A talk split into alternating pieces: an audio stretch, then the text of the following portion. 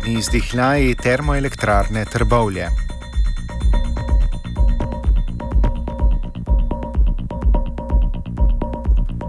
Konec tega meseca se bo odločalo o dokončni usodi termoelektrarne Trbovlje, potem ko je skupščina družbe odločila, da ukolikor odločitve o prodaji do srede septembra ne bo, sledi likvidacija podjetja.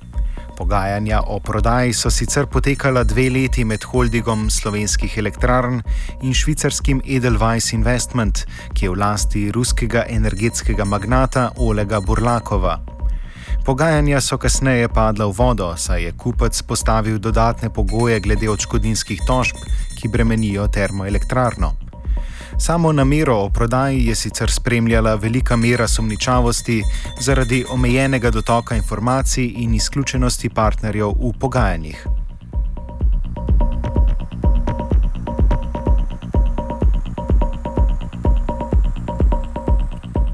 Zaradi nihanj cen električne energije na evropskih trgih in brez kupca na vidiku, holding slovenskih elektrarn v Trboveljski termoelektrarni ne vidi več prihodnosti vendar pa sindikat delavcev na polju energetike opozarja na ostale možnosti, ki morda lahko rešijo termoelektrarno pred njeno usodo. Pred dokončno odločitvijo je potekala novinarska konferenca, ki je opozorila na škodljive posledice likvidacije družbe. Svoje razmišljanja o usodi trbovalske elektrarne podaja Bra Branko Sevčnikar, predsednik sindikata delavcev dejavnosti energetike Slovenije. Mislim, da ravno ni potrebna likvidacija. To pač je neko razmišljanje lastnika, holdinga slovenskih elektrarn, očitno tudi še nekateri, ki skrbijo za naložbe, eh, se pravi, odgovorne osebe na, na slovenskem državnem holdingu. Eh, poglejte, jaz, moje razmišljanje je to, da vsa termoenergetika, pa tudi del hidroenergetike je danes zaradi zgrešene energetske politike na evropskem trgu v težavah.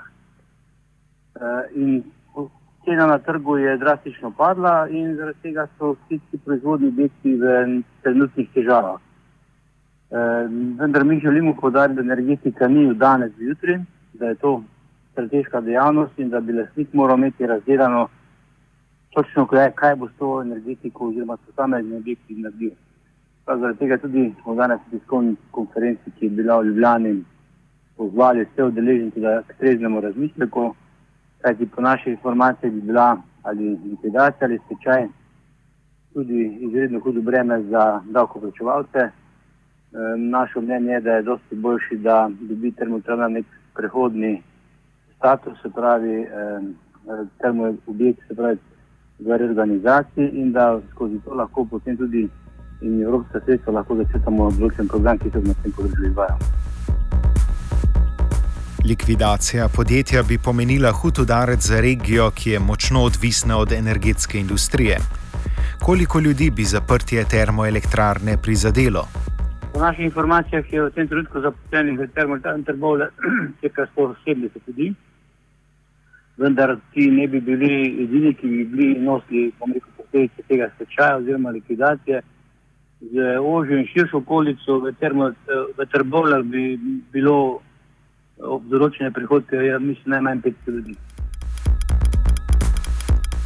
Poleg porasta brezposelnih v regiji, pa bi državni proračun močno očkrtnila sama sanacija objektov po zaprtju. E, taka likvidacija, ki jo nekateri želijo izpeljati, je po našem pričakovanju, pa po videnju, tudi po izračunih, neizvedljiva.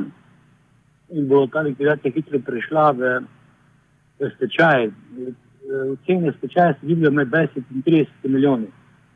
Ne smemo pozabiti, da je tu še deponija pepela, deponija premoga, ki mora z vidika okoljevarstvenih zahtev še določen čas, mislim, da najmanj 30 let, biti spremljena, kaj se na tem področju dogaja, tako da te stvari niso, niso bom rekel, poceni. Zato je ta razmislek na mesto da ne bodo spet tega nositi trenerski dan započevati. Mislimo, da je boljše, da objekt obratuje, e, seveda z ustreznim gorivom, ki ga pač mora lastnik zagotoviti, e, ima, pre, ima pridobljeno prehodno dovoljenje do leta 2020, tako da mislim, da bi to bilo najboljša in najmanj škodljiva eh, način trenutne, trenutnega delovanja termoterapevta, da bi takrat se pa tudi lahko postavili koncept Republike Slovenije na tem področju in se dogovorimo, kaj bo na tem področju obratovalo. Zavest o počasnem zatonu energetske industrije je v regiji prisotna že od leta 2000, ko je takratna vlada sprejela zakon o postopnem zaprtju rudnika Trbovlje Hrastnik. Nov udarec za slovensko energetiko pa so prinesle neugodne tržne razmere prodajnih cen električne energije. Čemu gre pripisati takšen padec cen, nadaljuje Sevčnikar. Zgrešena politika obnovljivih uh, virov na evropskem trgu, predvsem Nemčija, ker je skozi svojo uh, schemo subvencionirana, subvencioniranja obnovljivih virov, predvsem to govorimo o sončnih in pa veternih elektrarnah naredila to neravnovesje na trgu in to pač seveda določen čas traja. Mislim pa, da tudi nemško gospodarstvo ne bo dolgo več sposobno subvencionirati te cene električne energije do solarnih elektrarn. Morate vedeti, da je cena iz uh, solarne elektrarne sedemkrat višja kot iz termoobjektov. Morda je zelena energetska politika prihodnost energetske industrije, vendar je pomembno opozoriti, da mnogi od trendovsko zelenih praks proizvodnje električne energije lahko obstajajo ravno zaradi subvencij, ki iz trajnostne prakse preprosto naredijo dober posel. Kakšen je pomen obstojo, obstoječe energetske industrije za slovenski prostor, zaključi Branko Sevčnikar. Elektroenergetika je edini, uh, edini vir oziroma edina vrsta energije, ki Slovenija ima, bom rekel, v kolikor toliko uh, zadostni, uh, zadostni količini, tako hidro kot termo, kot tudi ta uh, nuklearni del. In vse ostale energenti, to se pravi tako plin, nafta, smo 100% uvozniki. Jaz mislim, da tu moramo skrbeti, ker čim večji zadostnosti, ker temu nas pozivajo tudi številne evropske direktive. In tu uh, to trenutno nihanje cen na trgu bo se iznihalo in tudi ostali proizvajalci v Evropski uniji eh, v tem času, bom rekel, tudi nekje čakajo, kaj se bo zgodilo po letu 2017. Po mojih pričakovanjih se bodo ta cenovna nihanja eh, končala in potem bo zadeva spet normalno eh, tekla naprej. Vse, če pogledate položnice, sej električna energija se ni na položnicah bistveno znižala ali pa skoraj nič tretjina cene na položnicah je električna energija, vse ostalo so pa neki prispevki za obnovljive vire in pa trošarine. Tako da električna energija je relativno poceni in tu jaz mislim, da je še kar dosto narednega prostora. Offside je pripravil Jošt. Oh. Oh. Oh. Oh. Oh.